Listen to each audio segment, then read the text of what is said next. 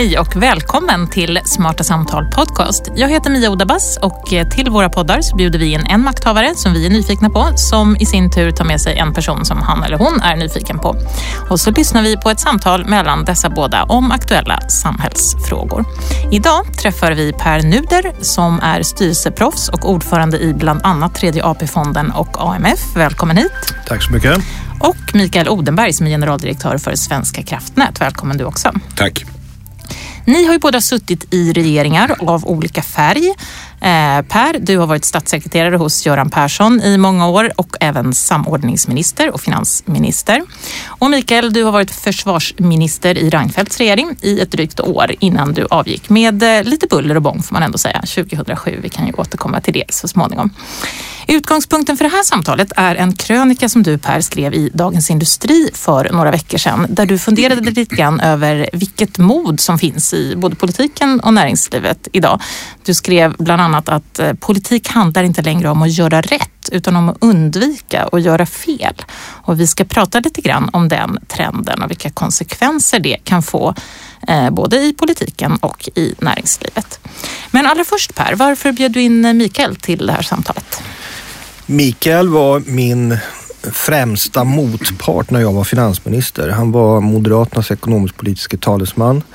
Eh, vi hade häftiga debatter i eh, riksdagen. Eh, han var blå, jag var röd. Vi stod mot varandra och slogs. Ibland var han väldigt oförskämd tyckte jag då mot mig. Eh, sen eh, kom ju han in i regeringen. Jag hamnade i opposition. Sen dröjde det inte så länge, precis som du sa, som, som Mikael lämnade politiken och gjorde det på ett sätt som är ganska ovanligt. Eh, han eh, stod upp för en, en, eh, en sak, sin egen uppfattning och han kunde inte förena den med, med övriga regerings och statsministerns. Det där är inte särskilt vanligt och det eh, jag vet ju hans bakgrund, Mikaels bakgrund, den är ganska snarlik min. Vi har börjat tidigt i politiken. I hans fall är MUF, jag är SSU. Vi har liksom gått parallellt fast liksom olika spår så att säga. Eh, jag är nyfiken på det där, uh, hans, liksom, det civilkurage som han visade när han, han lämnade. Mm. Mm. Mikael, hur känns det att höra detta? Mycket vänligt sagt av Per. Däremot är det ju sant att, att min avgång var ovanlig.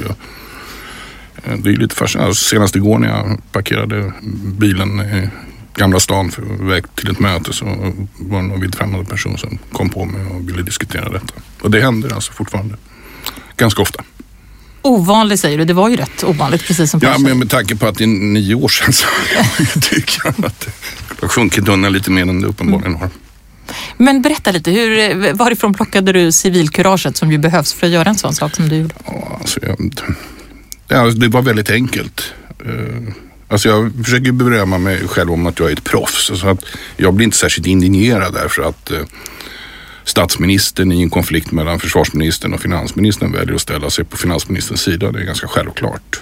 Ehm, för det var det som hände? Du tyckte ja. att Anders Borg ville spara för mycket pengar på försvaret? Ja, alltså egentligen handlar det inte så mycket om det. Vi var ju överens om vad som skulle hända i närtid.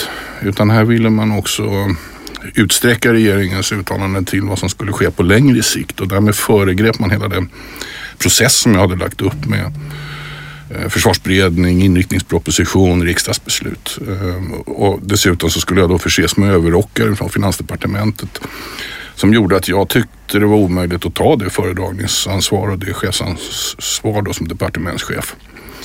Eh, som liksom följer av, av vår konstitution och då såg jag ingen möjlighet att sitta kvar helt enkelt. Så det var ett ganska lätt beslut? Ja, paradoxalt nog var det ju det. Trist att behöva ta det naturligtvis men, men det kändes inte särskilt svårt och jag har inte haft anledning att ångra det heller.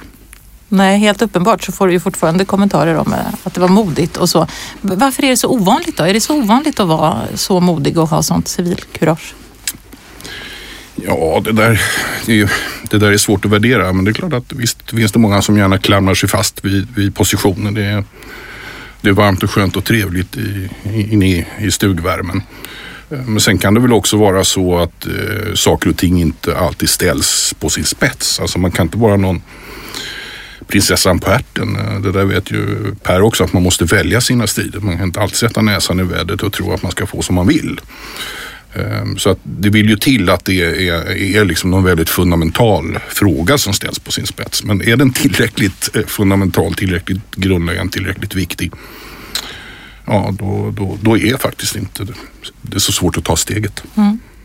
Per Mikael beskriver det som du beskriver som ovanligt, som inte så svårt. Mikael får ju svara för sig själv, men, men, jag kan ju bara konstatera att det är ju ganska ovanligt. Men det är, det, dagligen och stundligen så har ett, ett fackstatsråd konflikt med finansministern och, och statsministern dömer av till, till finansministerns fördel i 99 fall av 100. Annars skulle det inte systemet inte fungera. Men, men här var det ju alldeles uppenbart så att konflikten var så djup så att, att, att Mikael kunde, kände att han inte kunde ta ansvar. Jag var ju med om lite grann motsvarande situation, även om det var inte alls lika spektakulärt eftersom vi var i opposition då. Men, men eh, jag lämnade ju som ekonomisk-politisk talesman efter en konflikt med, eh, med Mona Sahlin eh, där jag upplevde att, att jag kunde inte fortsätta därför att eh, jag kände inte det stödet. Och är det så att inte statsministern, finansministern går armkrok eller i det här fallet liksom partiledaren och ekonomisk-politiska talesman, då fungerar det inte. Så att, så att, eh, och, och, och jag, jag, visste ju vad jag gjorde då på samma sätt som Mikael, nämligen att då sköt jag ur mig ur politiken. Då. Eh, så var det. Så att, så att eh, sen, sen kom mina partivänner tillbaka till mig och ville att jag skulle liksom komma tillbaka. Men då hade jag liksom redan vänt tankbåten och då var det inte liksom aktuellt. Mm. Du skriver i den här artikeln om något som du kallar för vår tids förbannelse. Att vi undviker väldigt ofta, eller nästan alltid, att göra fel istället för att sträva efter att göra rätt. Mm. Jag tycker det är en, en, en, allmän tendens i dagens samhälle som jag ser både i politiken och i näringslivet. Idag ser jag ju mera i, i näringslivet. Nu är jag ju liksom passiv åskådare av politiken men jag får en känsla av att eh, liksom, det, det ligger så mycket i potten att göra fel så det blir viktigare än att sträva efter det, det rätta. Det, det, jag får en känsla av att, jag ska inte liksom romantisera när, när vi var i, i politik, men jag får en känsla av att idag är det man säger vad folk vill höra snarare än vad man tycker. Eh, I näringslivet så, så, så, är en ganska påtaglig tendens, eh, tycker jag mig kunna se, att börsbolag i allmänhet, bankförsäkring i synnerhet, där det under en senare tid sedan, sedan Lehman-kraschen har lagts på ett omfattande regelverk gör just det här att, att compliance, eh, revision, eh, internkontroll, allt sånt här som är nödvändigt och viktigt. Men det, det får sån betydelse så att själva affären kommer längre och längre ner på dagordningen. Och det där tror jag är, är alltså all, all affärsverksamhet handlar om att ta risk. Politik handlar också om att ta risk. Eh, och, och, någonstans så, alltså, de, de, etablerade partierna borde nog passa sig här för att det är ju till synes de som vill någonting som, som, som får stöd. Och det ser vi ju liksom i opinionsundersökningar. Sen kan vi tycka liksom illa om vad, vad Sverigedemokraterna tycker men bevisligen så tycker de någonting. Eh, och, och, det är inte så att, att, att de etablerade partierna ska lära sig av deras politik i sak, men kanske lite grann den här känslan för att artikulera vad man själv står för innerst inne och inte snegla så mycket. Men vi moderater och socialdemokrater har ju en tendens liksom att, att spegla sig i varandra. Det är liksom ett historiskt fenomen. Vi har varit de två stora partierna. Alltså, Mikael kan hålla mina första maj, han kan skriva dem och jag kan hålla eh, Mikaels stämmotal. Så, så väl känner vi varandra. Men den där, liksom, eh, hur relevant är den konflikten fortfarande? Frågetecken. Det är ett väldigt intressant frågetecken tycker jag som väljare. Mikael, vad säger du som Per säger? Känner du igen det? Absolut. Eh, jag har inte riktigt samma inblick i, eh, i näringslivets diskussioner och prioriteringar. Men visst känner jag igen det. Eh, partierna är idag mer uppfyllda av rubriksättning under politiska spelet. Det är inte bara de politiska journalisterna som är fångade av detta utan även politikerna i en väldigt hög grad. Det är därför vi Ja, det är därför man samtalar med varandra om omröstningsregler istället för om politiska sakfrågor. Apropå decemberöverenskommelsen till exempel. Um, och det känns ju som om varken socialdemokrater eller moderater riktigt har insett att uh, den här världen med två block eh, är alltjämt den förhärskande. Eh, och det är den man förhåller sig till fortfarande. Men vi har inte den världen kvar längre. Idag har vi tre block. Precis, och jag, jag skrev någon annan krönika om det där att, att eh, svensk politik lider av, av någon slags politisk fantomsmärta. Liksom när man, man amputerar ett ben så, så har man fortfarande ont i det. Och Moderaterna och Socialdemokraterna har fortfarande liksom ont. Liksom, vad, vad, är den här blockpolitiken som var så skön att ha? Där man visste precis, liksom, en spade är en spade, en moderat är en moderat och det var liksom huvudmotståndare. Nu kommer det här tredje blocket som, som, som man alltså får att förhålla sig till. Och det här är ett internationellt fenomen. Alltså 1900-talets politiska konflikt eh, det var ju framförallt den mellan arbete och kapital. Och, eh, och sen plottade sig partierna in sig på den där skalan utifrån var man befann sig eh, ifrån till arbete respektive kapital. Det som har hänt under senare decennier är ju att relevansen för den där konflikten har minskat över tid. Samtidigt har vi då fått en, en konflikt i den andra dimensionen i, i, i Eh, och där högst upp där så står det miljö, feminism, urbant, globalt och här nere står det det var bättre förr, eh, jävla etablissemang, det är invandrarnas fel och den konflikten är väldigt påtaglig. Så de gamla partierna, våra gamla partier, Moderaterna och Socialdemokraterna ska å ena sidan förhålla oss till varandra enligt, enligt den här horisontella dimensionen och samtidigt så ska vi ha ett förhållningssätt till vertikala. Så att jag avundas inte dagens politiker på så sätt. Att de, de har det svårare än, än vad vi hade tycker jag. Men är det liksom omständigheterna som har gjort det här? För du, du säger så att S plus M, hur svårt kan det vara? Och det kan man ju faktiskt undra som vanlig väljare också. När vi har x antal stora samhällsutmaningar som vi behöver lösa. Mm. Och så sitter de två stora partierna och, och, håller på med sina fantomsmärtor som du pratar om. Mm. Nej men alltså det, det, här sitter ju jättedjupt. Va? Jag menar, både Mikael och jag har ju lämnat politiken, men det innebär ju, liksom, jag kan i och för sig bara tala för mig själv, jag är ju socialdemokrat och Mikael är moderat. Sen kan vi tycka liksom, att, att våra lag liksom, är fel sammansatta eller spelar dåligt, men liksom, en gång djurgårdare, alltid djurgårdare ungefär. Va? Men det är någonting nytt som har inträffat som gör då att, att de politiker idag som skulle våga ställa sig över det här gamla och liksom ingå ett antal stora strategiska uppgörelser i sak, inte i form som den här liksom, decemberöverenskommelsen var. Det var ju, liksom, det var ju på sådant sätt, det var ju etablissemangets eh, revolt mot, mot väljarna. Det, liksom, jag tror att den där historiskt kommer att, att betraktas som en liksom, politisk anomali. Va?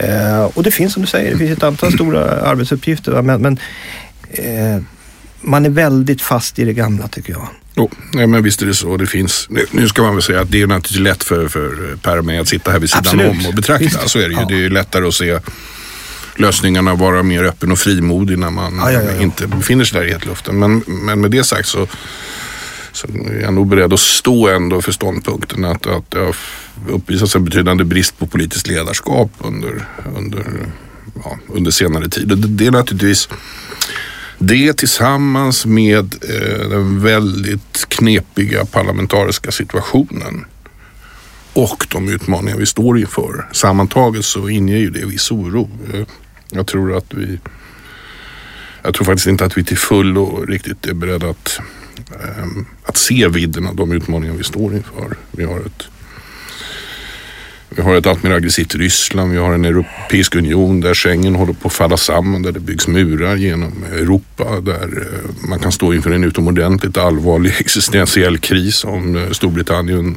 eh, väljer att lämna, vilket är en uppenbart stor risk för. Vi har hela situationen i Mellanöstern, kriget i Syrien, migrationsströmmarna, en enorm eh, samhällsutmaning att ta hand om här på hemmaplan. Och till då det är en situation där partiernas sätt att förhålla sig till varandra plus det knepiga parlamentariska läget leder fram till att inga viktiga strukturella reformer kommer man att kunna ta beslut om. Och det gäller ju inte bara i, bara i Sverige utan det gäller ju i väldigt många västerländska demokratier. Jag menar, alldeles oavsett utgången i amerikanska presidentvalet så lär det ju liksom bli någon slags liksom, dödläge på nytt va, mellan presidenten och, och, och, kongressen och där man har enormt stora behov av liksom, politiska beslut. Va. Men, men varför har det blivit så här då? då? Alltså, det finns en aspekt som jag tycker är viktig och, och där som, som skiljer sig villkoren för, för politiken och för den delen för näringslivet också. Och det är att jag lämnade 2006 som finansminister. Samma år kom Twitter.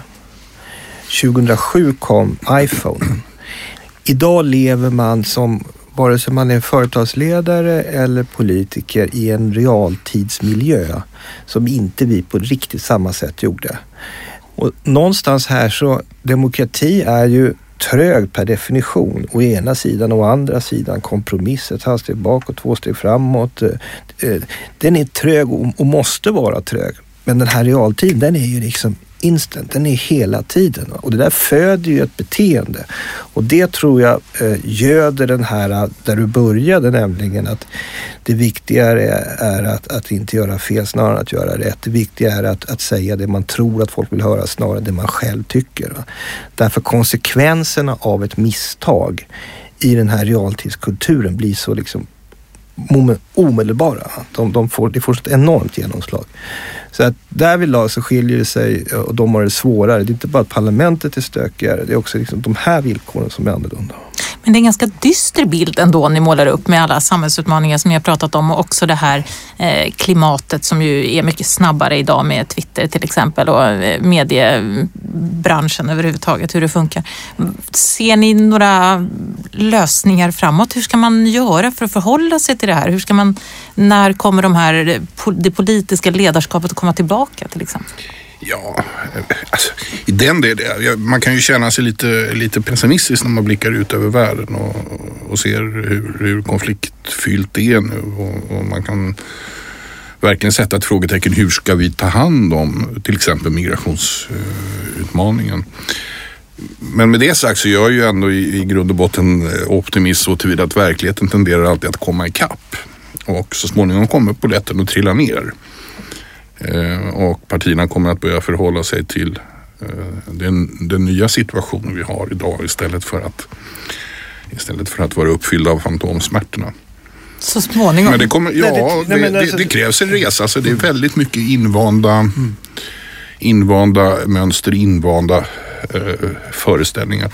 Ta bara en sån där sak som när eh, valet var över och, och Stefan Löfven skulle bilda regering så sände han ju några signaler till, till Folkpartiet och Centern för att försöka hitta samarbete. Då kan man ju säga att ja, hur smart är det på en skala 1 till 10 givet att fyra partier har svetsat samman under åtta år. Men det, det intressanta är ju att, att se vilka partier han då riktade sig till i en situation där i, i vart fall ett av de partierna står klart till höger mm. eh, om Moderaterna. Mm.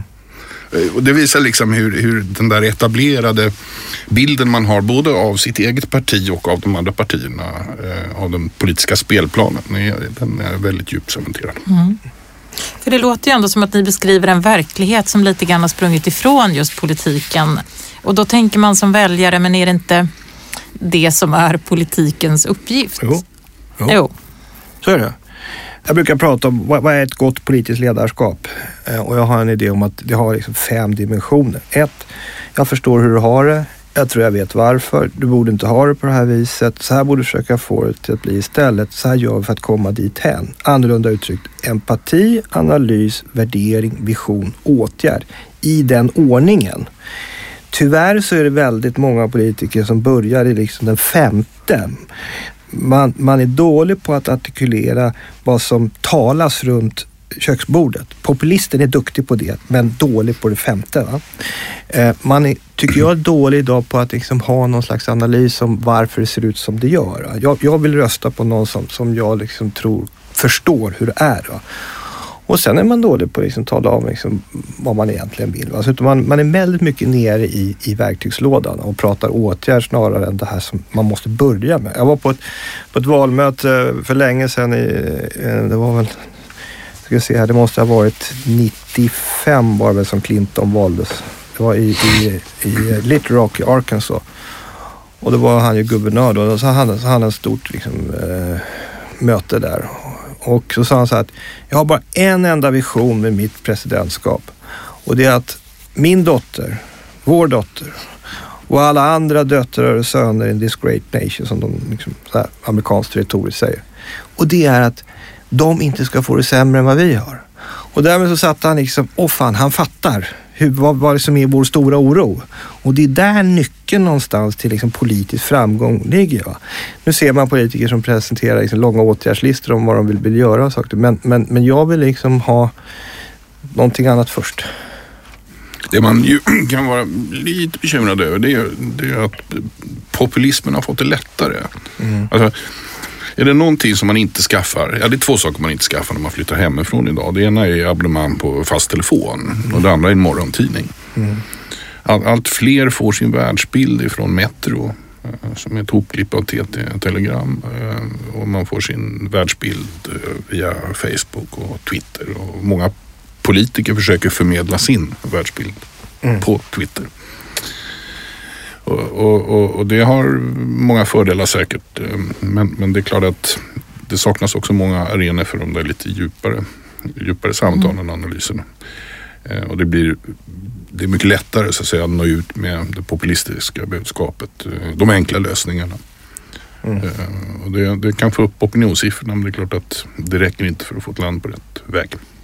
Lite är det därför vi har startat Smarta samtal känner jag ju direkt Mikael när mm. du säger sådär. För att vi vill eh, bidra till ett lite mer nyanserat samtal i eh, det här ganska hårda 140 teckens samtal mm. som ju mycket, råder. Mycket gott initiativ. Mm, eller hur, mycket gott initiativ och det är därför ni sitter här också. När man tänker, nu sitter ju ni här och är väldigt kloka och det kanske är lättare att vara kloka när man är utanför. Eh, men är ni har, äldre också. Är äldre också, det är det spelar roll. Mm. Visare. Mm, jag fyllde år häromdagen, då känner jag att jag blev ett år klokare. Då, okay. mm. eh, men om man tänker om jag som är väljare som bara står utanför tycker ju lite så här, get into it kan jag känna. Nu har vi x antal samhällsutmaningar, ni har liksom målat upp dem. Eh, jag skulle vilja se lite handlingskraftiga politiker, lite mer politiskt ledarskap som faktiskt gör någonting åt de riktiga problemen istället för att då diskutera fantomsmärtor. Vad är det som ska krävas för att till exempel moderater och socialdemokrater skulle samarbeta? Tror ni? Ja, vad säger du Mikael? Ännu mer kris. Eller jag vet inte riktigt. Ja, alltså, det... alltså ett väldigt eh, nära samarbete. Till och med regeringsbildning efter tyskt eller, eller finskt mönster. Ja, det är en situation som skulle ha eh, många nackdelar. Eh, göda extremistpartier, leda till en väldigt eh, ja, stark regeringsmakt och så. Men man ska inte alls utesluta att Sverige kan hamna där. Eh, men det är då väldigt mycket en funktion av eh, krisens eh, allvar. Och det är klart att en del av vilsenheten både hos dagens regering och hos dagens opposition reflekterar säkert också den omständigheten att man faktiskt inte vet hur man ska hantera situationen. Mm. Det finns inga givna svar. Mm. Ehm, det finns mycket att fundera över och, eh, och alla partier har en rejäl hemläxa att göra. Alla har ju sina traditionella svar ehm, på utmaningarna. Men inser innerst inne att de räcker inte utan vi måste komma med nya svar också. Mm. Och dit, dit har vi inte kommit än. Ännu mer kris säger du Per. Är det så? Det krävs ännu mer? Men från tid till annan så har, så har vi ju förmått i svensk politik att genomföra stora liksom, blocköverskridande uppgörelser, vad nu blocken är värda idag, men, men, men stora, framförallt mellan moderater och socialdemokrater. Pensionsuppgörelsen. Pensionsuppgörelsen är jätte, jätteviktigt fortfarande och även den håller man ju på att ha problem med nu liksom att, att, att hålla ihop. Så att eh, ehm, jag, jag, jag, jag, jag är lite förundrad över, över att man inte förstår, eller man förstår det naturligtvis, men, men att, att inte drivkraften att genomföra mer av den här karaktären där, där det krävs bredare uppgörelser, att drivkraften inte är starkare för att jag tror att man får reveny av det. Alltså politisk reveny av det. För att i grund och botten så, så, så även vi som har varit i politiken, vi, vi är ju liksom eh, urdjurgårdar ur-djurgårdar eller ur-AIK-are, ur-sossar, ur-moderater. Men det märker man ju när man kommer utanför politiken att det är ju faktiskt inte folk i gemen. utan, utan, utan då, ibland röstar man si, ibland röstar man så. Några röstar alltid så, men man är ju inte liksom lika liksom, dedikerad som man är när man är med i bubblan. Slutsats folk vill ju att liksom, politiken ska ju ha, göra saker och ting, ska göra uppgörelser. Eh, och, och, där någonstans så någon, någon borde ta fasta för, på det tycker jag av, av liksom ren politisk självbevarelsedrift. Det gjordes ju en uppgörelse om uh, försvarspolitiken här. Vi får se nu uh, om man kan göra en uppgörelse om energipolitiken, vilket vore välgörande under det här året. Men jag tror att oavsett eh, så att säga, eh, krisens dignitet, eh, oavsett i vilken utsträckning moderater och socialdemokrater vill och är beredda att samarbeta så måste de här två stora partierna inse att de är beroende av varandra. I det här nya politiska landskapet är de beroende av varandra.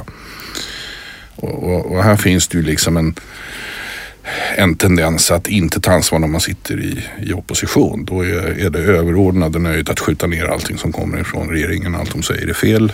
Um, allt de gör är fel uh, och det gäller att jävla så mycket som möjligt. Och det här gäller nog oavsett mm. vem som råkar sitta i opposition. Ja, man byter manus.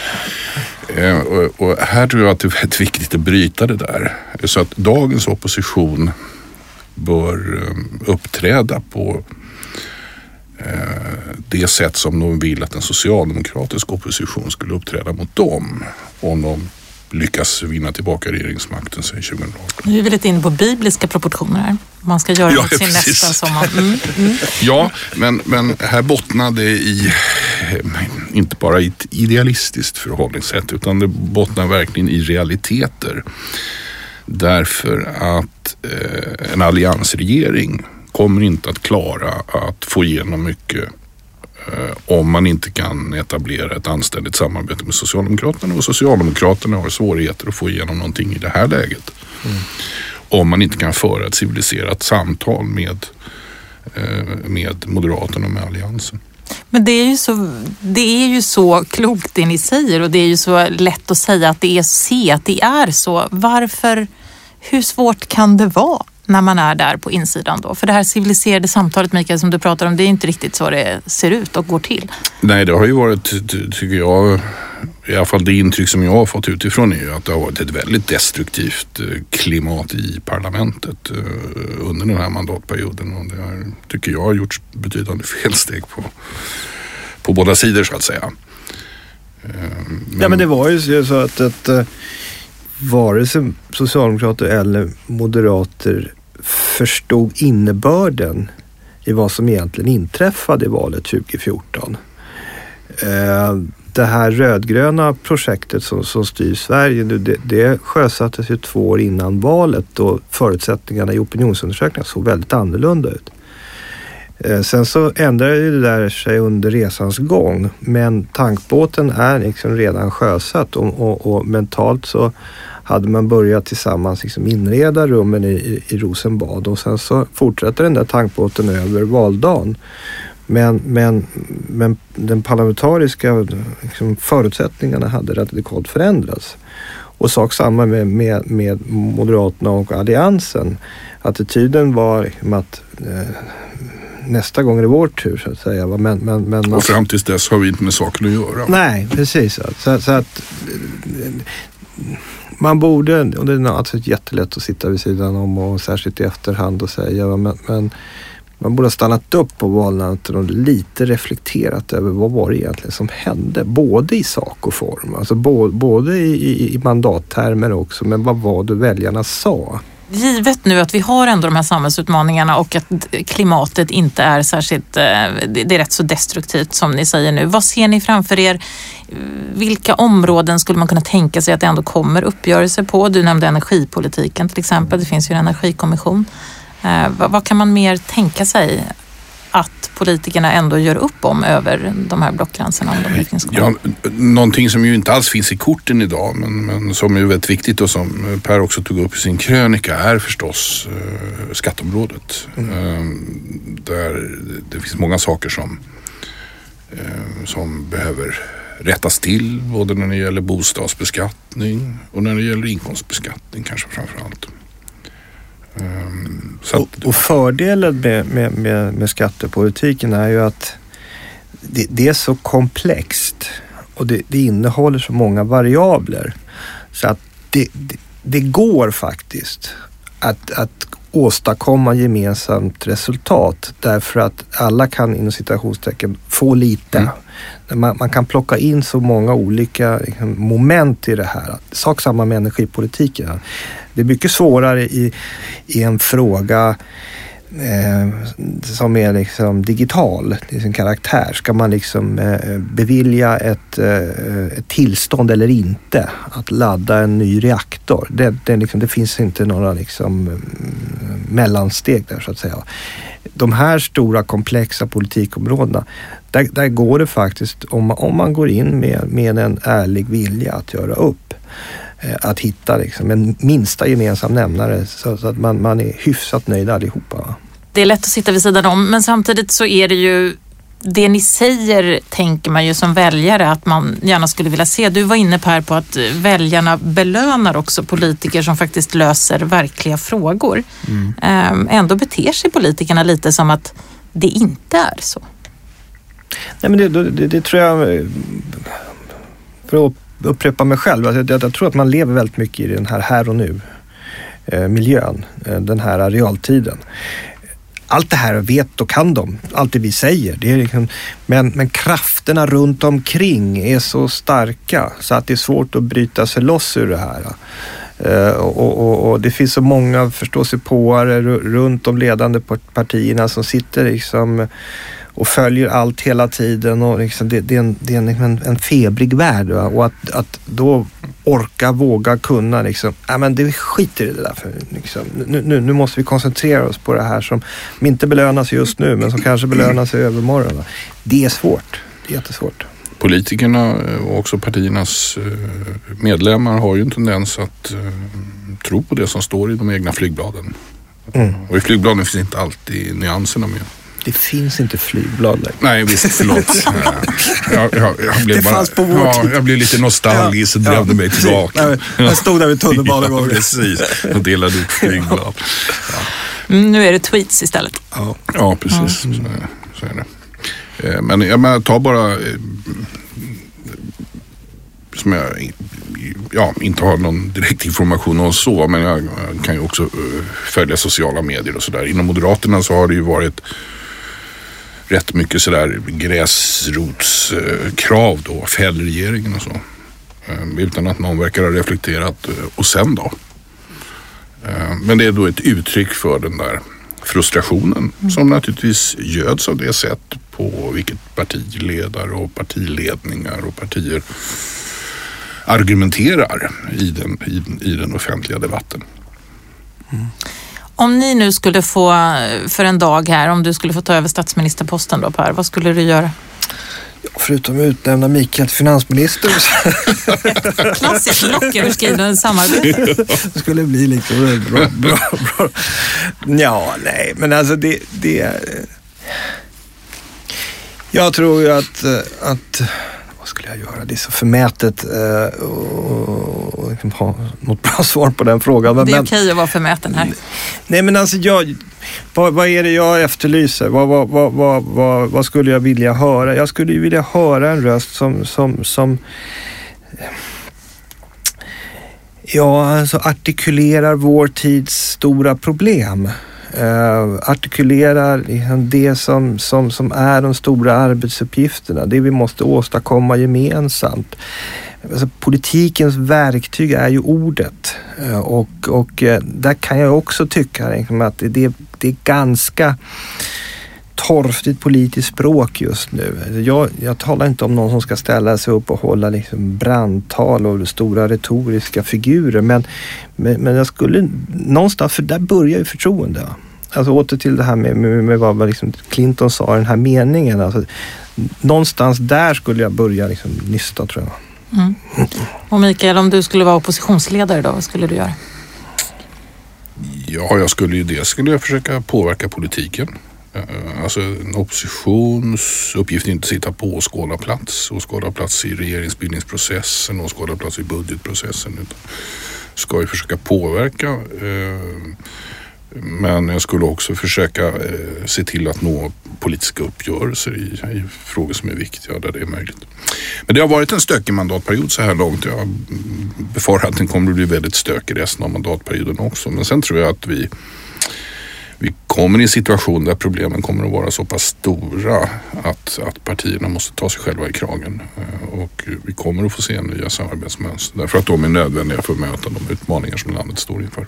Så vi närmar oss den eh, situationen menar du, när krisen är tillräckligt stor så att det kan bli större samarbete? Ja, jag tror att verkligheten på den punkten kommer ikapp. För eh, problemen kommer inte att minska under resten av mandatperioden utan de kommer på viktiga områden att öka ytterligare. Vad tror du om det Per? Ja, jag, jag är rädd för det också. Eh, framförallt därför att eh, jag är inte så säker på att den här eh, förhållandevis goda ekonomiska utvecklingen som vi har just nu på sån här makronivå i Sverige där vi har hög tillväxt jämfört med många andra länder, att det kommer hålla i sig. Jag, jag är ganska pessimistisk när det gäller världsekonomin och Sverige är väldigt beroende av omvärlden om, om, om vi redan uppfattar att vi har problem idag när vi har nästan 4% tillväxt. Hur kommer det inte bli då när vi går ner mot 2-1,5 procent tillväxt? Då, då kommer det här att bli betydligt, betydligt besvärligare. Då tror jag att, att utmaningarna kommer synas. Om jag ska tolka er rätt då så kommer det bli ännu värre innan det blir bättre. Men då blir det också kanske bättre så småningom. Knock on wood. Mm. Mycket spännande att höra er. Stort tack Mikael, stort tack Per för att tack. ni kom till Tackar. Smarta Samtal podcast idag. Jag ska säga också tack till er som har lyssnat förstås. Och nästa podd, då ska vi träffa Lena Olving som är VD för Mycronic. hon pratar med Mattias Ulén som är professor på Kungliga Tekniska Högskolan, uppfinnare och företagare inom bioteknik. Tusen tack så länge. Smarta Samtal podcast spelas in och produceras på Beppo ljudproduktion.